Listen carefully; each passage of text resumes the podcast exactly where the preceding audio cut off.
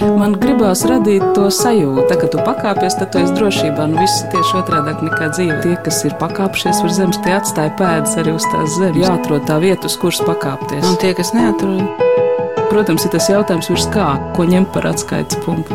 augstāk par zemi. Augstāk par zemi. Augstāk par zemi. Tieši kafija no Itālijas tikko atvesta. Es tieši gribēju jautāt, jūs esat tikko no Itālijas. Jā. Un man jau ir tur viena vietiņa, kur es kaut kā to kafiju man iepatikās vienā kafejnīcā. Un uh, nekur viņu citur es uh, nopirkt internetā viņa nevar. Man jau tā kā tāds talismans tā kafija. Ja es viņu atvedu, tad pabiju Itālijā. Esiet sveicināti, dizainere, rotu māksliniece Anna Fanīgina. Radījusi vienu no pasaulē atpazīstamiem Latvijas zīmoliem - verba. Verba latīniski vārds, jo zīmola atpazīstamākās kolekcijas iedvesmas avots bija senās Romas spārnoti citāti iestrādāt rotās. Laiks tagad tāds no vienas pašizolācijas pēc nepieciešama ceļojuma otrā Oktobra sākumā Anna Fanīgina atkal devās uz Itāliju, jo viņas darbs, broša ar nosaukumu Transeo, no latīņu es šķērsoju eju cauri, īpaši tika derināta Venecijas dizaina nedēļas ietvaros rīkotajam konkursam Venecijas Selection un bija iekļūst finālā kas savukārt nozīmēja dalību starptautiskā izstādē līdzās rotu māksliniekiem no Taivānas, Čehijas, Lielbritānijas, tika rīkots arī tikšanās ar dizaineriem. Broča Transeo, tās foto, tāpat kā citu šai sarunā pieminēto rotu attēls, jūs varat meklēt internetā, verbas mājaslapā un šī konkrētā broša, Transeo, aprakstīta kā simbolisks lidojums caur senas un nesenas pagātnes slāņiem, kas attīra no veciem zaudējumiem un apdāvina ar jaunas atklāsmes gaismu. Īsi sakot, šai gadu simtenī tapušajā rotā mākslinieca Anna Fanīgina iekausējusi citu pagājušā gadsimta vidū tapušu brošu. Kas jums tur ir ar to Itāliju? Jums gan darba ziņā tur ir diezgan daudz nu, sadarbība, gan arī es jūtu, ka jums Itālijas kultūra ļoti valdzina. Kad uh, pirmo reizi spēru kāju Itālijas zemē, tas notika 2001. gadā. Tas īstenībā bija tāds garš ceļojums ar manu draugu pa Eiropu. Pirmais tāds apzināts ceļojums pa rietumu Eiropu. Un uh, pirms tam bija gan Vācija, gan Austrija, un visur bija tik skaisti. Man, man visur ļoti patīk, bet nu, tad, kad mūsu vilciens, mēs ar vilcienu atbraucam no Austrijas uz Venēciju, es jau pat pirms tam sapratu, ah, kaut kā smaržo savādāk, kaut kāda tāda iekšēja saviņošana. Un tad uh, mēs izkāpām no tā vilciena, un es sapratu, ka ne viss šeit, šeit es pazudu. Sajūtu uzreiz to zemi, ka tādu savu zināmā mērā, bet nu, nevar teikt, ka tādu savu, bet nu, tādu savu avotu, ja, savu tādu kaut kādu dzīves spēku avotu. Dalību Venecijas dizaina nedēļā Annai Fanīginai atnesusi arī uzvaru instrumenta dizaina konferences ietvaros rīkotajā konkursā.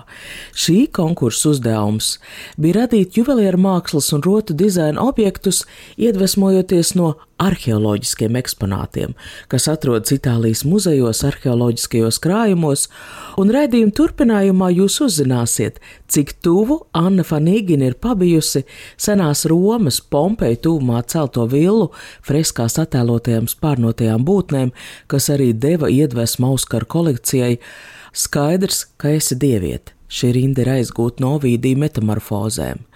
Uzvara konkursā nozīmē, ka šie darbi nākamgad tiks izstādīti vienā no Nacionālajiem arheoloģiskajiem muzejiem Itālijā. Mans vārds ir Anna Bušvica, un šobrīd es viesojos zīmola verba darbnīcā Grīziņkalnā, funkcionālismu stilā celtā iekšpagalma ēkā, kurā, kā Anna Fanīgina man pa ceļam pastāsta, reiz atradušās Rīgas kinostudijas tehniskās darbnīcas. Šodien gan ir svētdiena, un darbnīcā mēs esam divas vien, un man jāatzīst Annai Fanīginai, ka man ir maz saprašana par rotu dizaineru darbu. Tad, ja jūs pārdodat kādu rotu, tā ir unikāla vienā eksemplārā, tā tiek izņemta no kolekcijas. Ziniet, ir eh, dažādi, jo ir tādas kolekcijas, kuras es eh, vairāk pati priekš sevis iezīmēju kā mākslas kolekcijas, kuras ir taisītas vairāk izstādēm. Taisot eh, šīs rotas, es tiešām meklēju kaut kādus pilnīgi jaunus izteiksmes līdzekļus.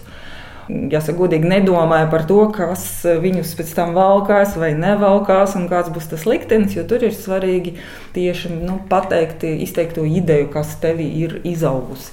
Un otra tas ir dizaina rotas, ko es vairāk attiecinu uz savu brendu, zīmolu, verba, kuras ir valkājāmas, kuras ir praktiskas. Dažreiz tās ir unikālas, dažreiz tas nav unikāls. Viņam, man liekas, tā zināmā mērā tiražēšana nāk par labu. Zīmola nosaukums nāk no latīņu verba vārds, jo zīmola plašāk pazīstamās kolekcijas iedvesmas avots bija senās Romas kultūras autoru spārnot izteicienu latīniski, kas tika iestrādāt rotu dizainā.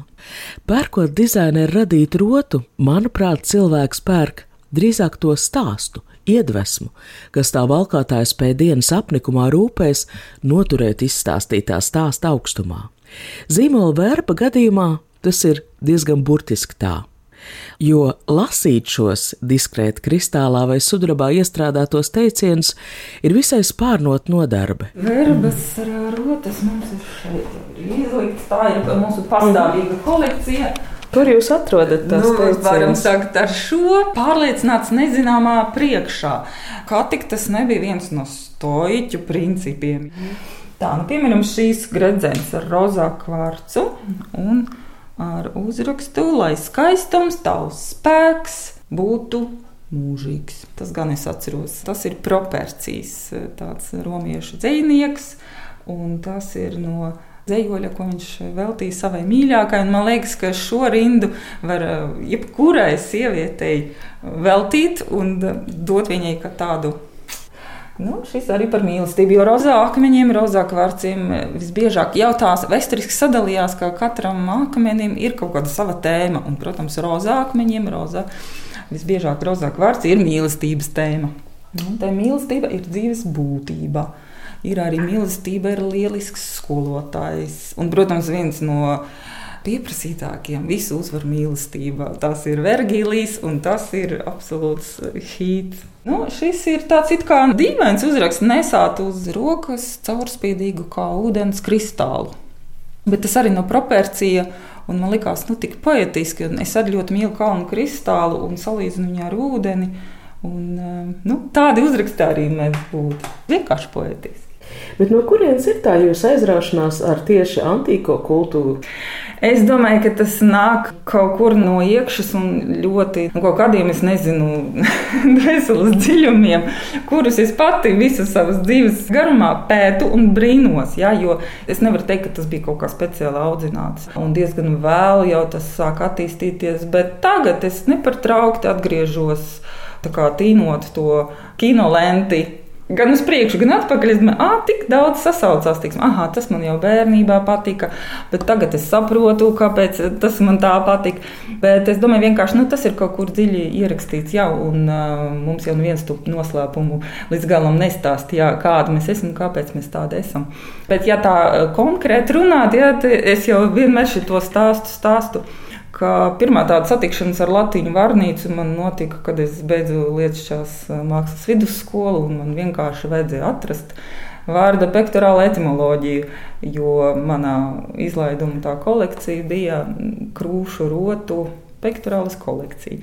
Un tad es atveru to vārnīcu un vairs saka, neaizveru ciet, jo manī apbūr nu, šīs valodas tā burvība. Ja, un caur to valodu, caur tām vārnīcām arī atnāca interese par antīko kultūru. Un cik patiesi ir tā leģenda, ka jūs esat diezgan regulāri gājis uz Nacionālo biblioteku, varbūt toreiz vēl kamēr, ne, kamēr nenopirku savu lielu vārnīcu. Es tiešām, nu, es arī pirms tam gāju, man ļoti patika Nacionāla biblioteka centrā. Es sēdos pie tā, jā, pie tā pusapaļa loga, man liekas, tas bija ceturtais vai piektais stāvs tur mm. augšā, tad tu sēd pie tā loga, skaties uz parku. Šķirsti mākslas grāmatas. Tā vārnīca gan bija nodaļā, kas atradās pirmajā stāvā. Tur tas nebija pie pusapaļa loga.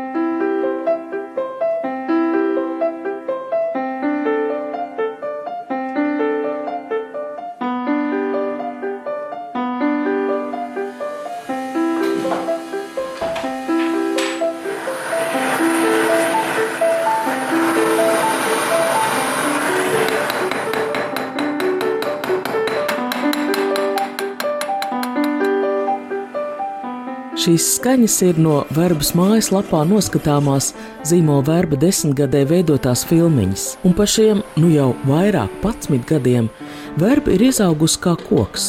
Verbas kolekcijas desmitgadē par godu tika veidot kolekcija arī ar baltu zīmēm. Verbas rotām ir pārstāvniecības Igaunijā, Lietuvā, Itālijā, Holandē. Vārdi, citāti kalpo arī kā iedvesma jaunu kolekciju tapšanai, kā piemēram Ursus Lāči. Lācīši arī caur uzrakstu īstenībā ielauzās, var teikt. Tas notika 2007. gadā, jau diezgan pasen. Un man sen, sen bija izrakstīta frāze arī no tās latviešu varnīcas slavenas: Bārgie lāči savā starpā dzīvo mierā. Man tā ļoti patika, bet es nevarēju saprast, kur viņu likt, jo tādu gredzenu nu jau neuztaisīs vienkārši. Un, uh, tas ir sākumvārds, romiešu sākumvārds, kurš kā, runā par to, ka cilvēki nevar dzīvot mierā, bārgie lāči. Var. Un tad jau vairāku kaut kādu nu, salikās daudz detaļas pēkšņi vienā skaistā kompozīcijā, un es sapratu to. Ir, ziniet, tad pirms, jā, vienmēr pirms jaunas kolekcijas vai izstādes ir tā sajūta, ka hops, un tu jūti, ka tev iekšā ir beidzot skaidra ideja, kuru nevar nerealizēt, ka tagad viss jāliek pie malas un, un jārealizē. Un tā bija ar lāčiem, ka pēkšņi atnāca tie paši divi lācīši, tās ir eh, reālas divas eh, rotaļas, nopirktas krāmu tirgu. Tad uh, atklāja šo tehniku burvīgu, ja, ja mēs uzliekam kalnu kristālu. Ne? Tas, tas pats arī ar stikliem, jebkuru lēcveidīgu, caurspīdīgu priekšmetu virsmu bildē, tad tā padara viņu optiski apjomīgu. Un, līdz ar to, ja to savienot ar šo lāču tēlu, tad nu, lāču tēli atdzīvojas tieši tad, kad es viņu savienoju ar kalnu kristāliem. Un tad arī parādījās tādas citas frāzes, kas man likās, ka viņam ļoti piestāv, un man vienmēr arī interesēja tie mīti par lāčiem. Un um, īsnībā arī divas filmas man ļoti iespaidoja. Džima Džārmuša filmas, kuras varbūt arī nav tik acīm redzamas, bet viņas ir saistītas ar to senu lāču kultu.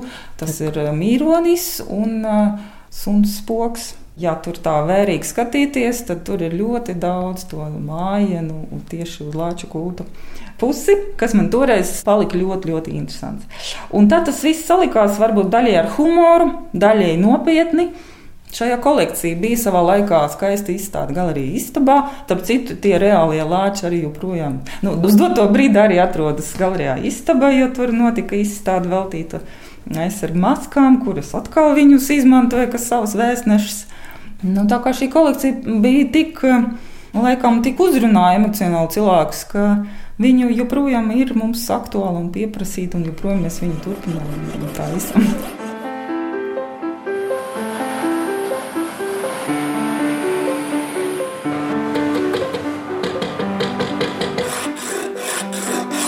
Kā šī kolekcija ir ceļojusi? Es skatos, te ir no Biblioteka Venecijāna. Šī ir tieši tas ir katalogs veltīts Venecijas kolekcijai. Ja? Februārī, šogad februārī bija Venecijā izstāde ar šo kolekciju, un tas katalogs uztaisīts tam par godu ar visiem uzrakstiem, kas uz doto brīdi tajā kolekcijā ietilpst. Toļka Krasatāstalas palicis viens skaistums. Sudraba gredzens ar citātu no Ivana Buņina, viņa 1922. gadā Venecijai veltītā darba Ēna no lauvas spārna. Fjodor Tučev 1913. gada dzējols, Jūsma laime un skumjas, tas savukārt no Tomasa Manna darba Nāve Venecijā. Un, starp citu, Venecijas kolekcija ir tikai viens latiņu uzraksts, Veni etiam, tas tulkojas kā atgriezies nacā vēl Jo tā ir leģenda, ka Venecijas nosaukums ir cēlies tieši no šī latiņu teiciena venietiem. Tā kā viņi vienmēr aicina atgriezties, vienmēr tevi piesauc. Artists is like a mission to be a contact man through ideas in the air and uh, its implantation. And artist uh, looks Fragments no intervijas ar Annu Fanīginu Romā. Rota dizaineri tajā skaidro, kas viņas prāt ir mākslinieks. Tā ir misija, viena no nozīmīgākajām profesijām. Jo viss, ko mēs zinām par senatni, ir tas, ko mākslinieki mums par to pastāstījuši.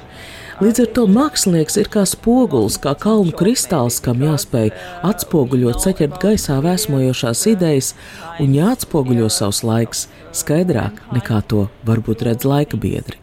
Kuģu saraksts Caurspīdīgi neparasts formas gredzena kolekcija, kuros kā ūdenszīmes iestrādāt vārdi sengrieķu valodā. Tā grieķu kolekcija vispār man ir visceļojošākā. Es domāju, tas ir dēļ nosaukuma un koncepta, jo nosaukums ir kuģu saraksts, un es to kolekciju arī uztveru kā tādu floti. Un katrs gredzens simbolizē kuģi, izcelsme tam nosaukumu no Homera Iliādas. Bet fakts palika fakts, ka šī kolekcija pārdzīvoja tik daudz izstādes piedalījās, man liekas, ka nu visās pasaules malās, kā neviena cita. Tie tiešām ir kuģi, kuri brauc paši. Ja? Es viņiem vienkārši braucu līdzi. Un, protams, man bija svarīgi, piemēram, nu, tā grieķu kolekcija, lai viņi būtu prezentēta Atenās, Grieķijā. Un arī Kiprā bija, viņa bija izstāde arī Kiprā.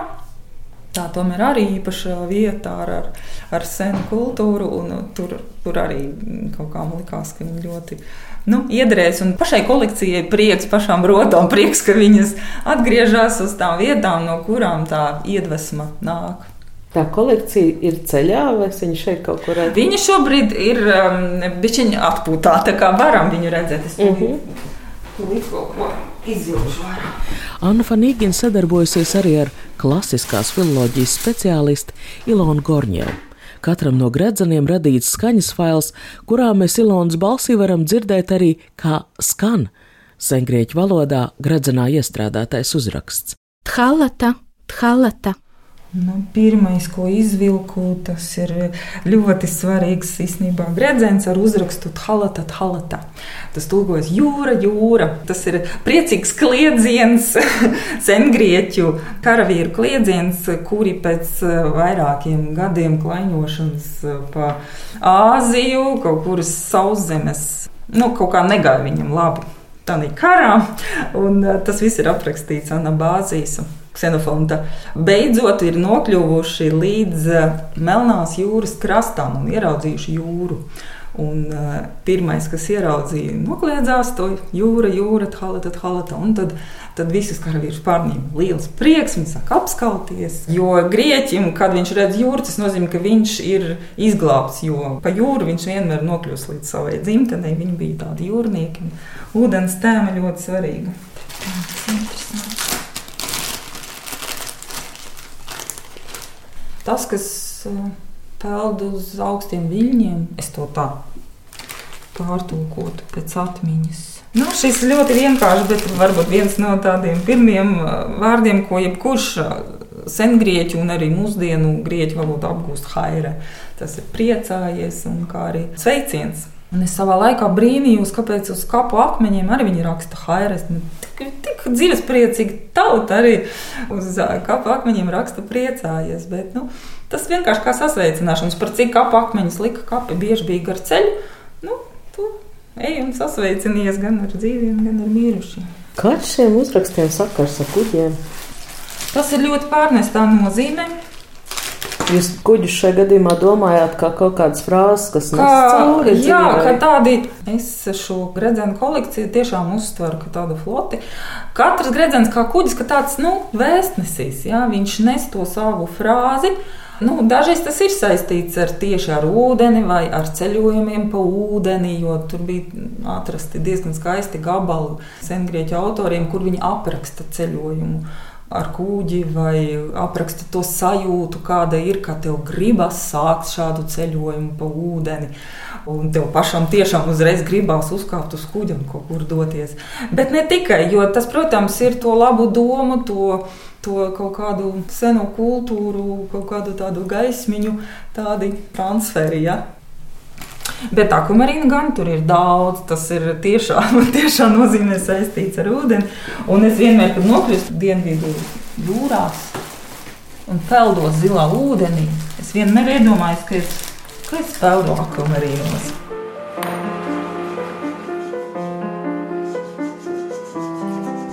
Esam tikuši līdz stāstam par šoruden Venecijas dizaina nedēļas konkursā uzvarējušo Auskaru kolekcijas iedvesmu savotiem. Es vienu kastīti redzu ar uzrakstu nimfu Fāja. Jā, nu, Nīmfas, tas ir tāds neoficiāls nosaukums jaunai kolekcijai, kura vēl tikai top. Viņa man daļai vēl tāda slepena, bet eh, jau signāla eksemplāri ir uztaisīti. Tā ir tiešām sakars ar nimfām. Uh, nu, manā izpratnē, jā, jo tur ir ļoti svarīgi sieviešu stēli, kuri man atnāca no romiešu freskām par cik es jau piecus gadus katru gadu piedalos arheoloģijas ekspedīcijā Itālijā. Esmu tiešā kontaktā ar romiešu freskām un sapratu vienā brīdī, ka ne, šīs meitenes mani saka vājāt, ka viņas grib. Jūs piedalāties arheoloģiskajos izrakumos. Jā, tas ir tiešām ar rotiņu sijājat zemi un ar rotiņu attīrat. Es ar tādu riktīgu otru attīru, jo tas, kas, piemēram, šai ekspedīcijā jātīra, tas ir, nu, tie ir sienu griestu gabali ar apmetumiem vai bez, kuri sakrituši pēc eh, vilnu sabrukšanas. Pēc Vēzuvā izvirduma visiem labi zināma. Tātad tas kaut kur Vēzuvā pakājā. Jā, jā, jā, tas viss ir blakus Pompejām. Vilus, kurus mēs strādājam, atradās stabijās. Tā ir arī mm, pilsēta, kurorts pilsēta, kas bija senē Romā ar mm, tādu pašu dzīvesveidu. Un uh, visi viņi gāja bojā vienlaicīgi ar Pompejām. Kāda noskaņa ir šajā vietā? Daudz greznības un vienlaikus iznīcība. Nu, man noskaņa šajā vietā vienmēr ir nemītīgs prieks. to grūti paskaidrot, varbūt. Bet man vienmēr ir tāds prieks, ka es nokļūstu tur, es jūtos tur kā mājās. Un uh, tā greznība jau ir tā tās bija graznas vīles. Bet eh, pēc diviem tūkstošiem gadiem, protams, viņas ir tagad savādākas. Un man šīs pussadrupi, tāds pusizjaukts greznums eh, ļoti patika. Es nezinu, vai man patika tas greznums tieši tad, kad viņš bija jauns. Un es šīs freskas ļoti mīlu, un par cik, ka tu esi ekspedīcijā, tu vari būt ar viņiem nu, tā, uz stūra. Ja? Esi, tu vari viņam pieskarties. Es kā dažreiz jokoju, salīdzinu, tas ir tāds portāls, kurš tevi pārnēs uz tiem 2000 gadu atpakaļ. Nu, tajā villā dzīvo. Viņa tev saka, atver visus savus slepenus stūrus, tad, kad tu nekad nevarēsi nokļūt, ja tu vienkārši atbrauks kā turists. To pat var just, ka, kad beidzās, piemēram, ekspedīcija, un šodien mēs strādājam, rīt vairs ne uzreiz mainās visa tā ķīmija. Es dažreiz atbraucu pēc tam arī jau, kad darbs ir beidzies, bet tu saproti, ka jā, viss durvis jau īstenībā aizverās. Šis tiešais kontakts daudz ko dod. Un šī kolekcija būs, protams, rezultāts šim periodam un šai mīlestībai pret romiešu freskām. Es cenšos atrast akmeņus, kas parāda tās krāsas, Jo tās ir fresku krāsas, fresku krāsas jā, jo tās ir tādas, eh, nav tik košas, jā, viņas visas arī tādas mazliet mm, ar to gadsimtu eh, piesitienu. Ja? Bet eh, tur ir krāsas, kuras varbūt es savās rotas ne tik bieži dažas lietoju, bet ne visas. Un, un tur ļoti svarīgi tie dzeltenie kļūst, tie okerīgie. Un vēl tā krāsa, kuru es joprojām, godīgi sakot, pat um, mākslīgo akmeņu vidū neesmu atradusi, bet ceru atrast. Tas ir tas slavenais sarkanais, Pompejas sarkanais kura skaitījās līdz pēdējām kā galvenā pompeja krāsa, bet 11. Um, gadā bija zinātnisks atklājums, kurš pastāstīja pasaulē, ka daļa no tā, ko mēs tagad redzam, sarkanu iepriekš bija dzeltens. Tas ir izmaiņas. Uh, izmaiņas uh, jā, dēļ augstām temperatūrām krāsas izmainījās. Kas par stāstu? Mm -hmm. Tās ir tiešām vesels detektīvs. Un, um, tā kā jā, šīs nības, un te uz katra auskara ir gravējums ar um, kādu lidojošu meiteni.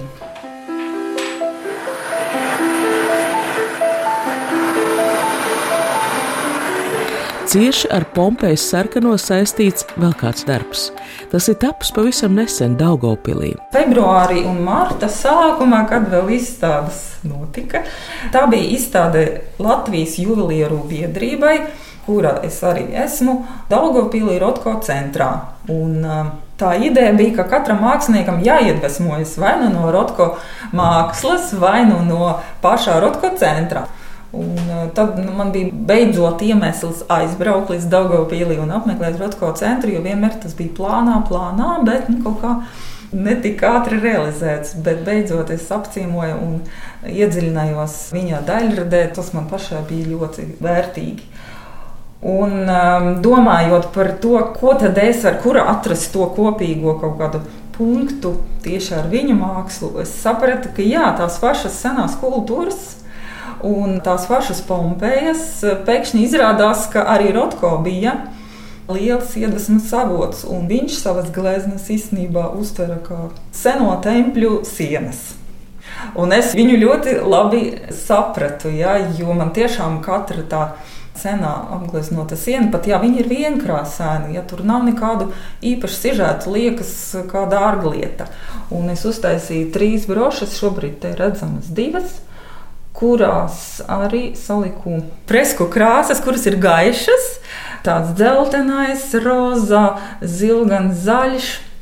Tas ir tāds kvintessence no, no Pompeja fresku paletes, ja, ko man gribēs arī nu, savā rotās iekļaut. Kopīgs iedvesmas avots senās kultūras ir ļoti daudziem māksliniekiem.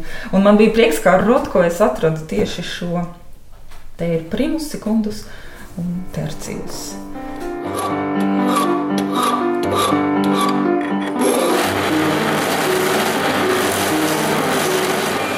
Šodien, nākot uz tikšanos, rotu mākslinieca Anna Fanīgina ir uzvilkusi gredzenus, kuru forma veido intensīvu sarkanu sapļus. Esam tikuši līdz kolekcijai, no kurienes šīs rotas patapinātas. Un aizraušanās ar sarkano tonu, kas jums kaut kādā saistībā ar to vezuli ir? Nē, tas arī nav tas sarkanais. Tas, tas, tas ir tas vienkārši klasiskais jā. sarkanais, kurš man, man drīzāk šis sarkanais ar Japānu asociējās. Aha, tur arī ir stāsts. Um, jā, jo Itālija ir tā iedvesmas zeme, bet īsnībā Japāna arī ir iedvesmas avots, es domāju, ļoti daudziem dizaineriem, jo tik nu, rafinētā labā nozīmē kultūra. Ir ko mācīties un mācīties to smalkumu. Un šī arī diezgan japāniska, zināmā mērā, kolekcija izveidojas, jo šeit tā sarkanā krāsa simbolizē sauli. Japānas karogā Faktiski ir Japānas karogs. Es pat skatos, kad mēs likām bildes ar, ar šiem apaļiem sarkaniem gredzeniem Instagramā, ka parādās um, nu, tiešām no Japānas uh, vairākie tie nu, laiki un uh, Japāņus uzrunā tiešām šī Te atkal spēle savu vārdu, bet šķiet, tas ir pilnīgi cits stāsts. Šeit arī vārdi, protams, ir opstīva Lovidijas. Šī kolekcija saucās Analemma. Analemma tas ir um, nosaukums uh, figūrai, ko veido saule debesīs. Ja mēs novērojam sauli no viena un tā paša redzes punkta gada garumā. Jo mēs visi zinām, ka saule visu laiku maina savu pozīciju gada laikā. Un, Tas mani fascinē. Kad es vienreiz ieraudzīju fotožurnālā bildi, kur viens fotogrāfs vēl bez digitālās tehnikās, vēl bija filmiņas, ja, taisīja gada laiku šo vienu kadru, fotografējot sauli regulāri. Nu, tur katru trešo dienu, piemēram, un tad debesīs veidojas šis brīnišķīgs astotnieks, tāds asimetrisks astotnieks, faktiski bezgalības zīme, ko saule iezīmē debesīs. Un šī bija kolekcija. Diemžēl šobrīd maz no šīs kolekcijas ir palicis. Divi gredzeni man rokā, bet šo mēs turpinām. Viņa būs un Rīgā vēl nebija izstādīta šī kolekcija, jo viņa bija uztaisīta par godu Venecijas mākslas naktī, Venice Art Night pagājušajā gadā. Faktiski tā bija instalācija, kur gredzeni, šie apaļie gredzeni, sarkanie un rozā veidoja tieši šo analēmas formu, tādu astotnieku. Un uz katra gredzena ir, protams, citāts par sauli vai par rozi, kā par puķu, kas ir nu, vissaulainākais. Ir arī viena galvenā tā kaklarota, ko es izstādīju arī šeit, Cēsīs, kur um, iegrāvētā senā romiešu himna veltīta saulē. Ja? Te viss sākās ar to pirmo katrā rindiņa sākās ar soli. Un turpinās, kur viņi apraksta, kas viņam ir saule. Un, protams, te jebkuru rindiņu var ņemt un likt uz atsevišķās rotas, uz atsevišķā gredzena. Ar rotu dizaineri Annu Fanīginu sarunājās Anna Bušvica, šī raidījuma skaņoperators Valdis Raitums.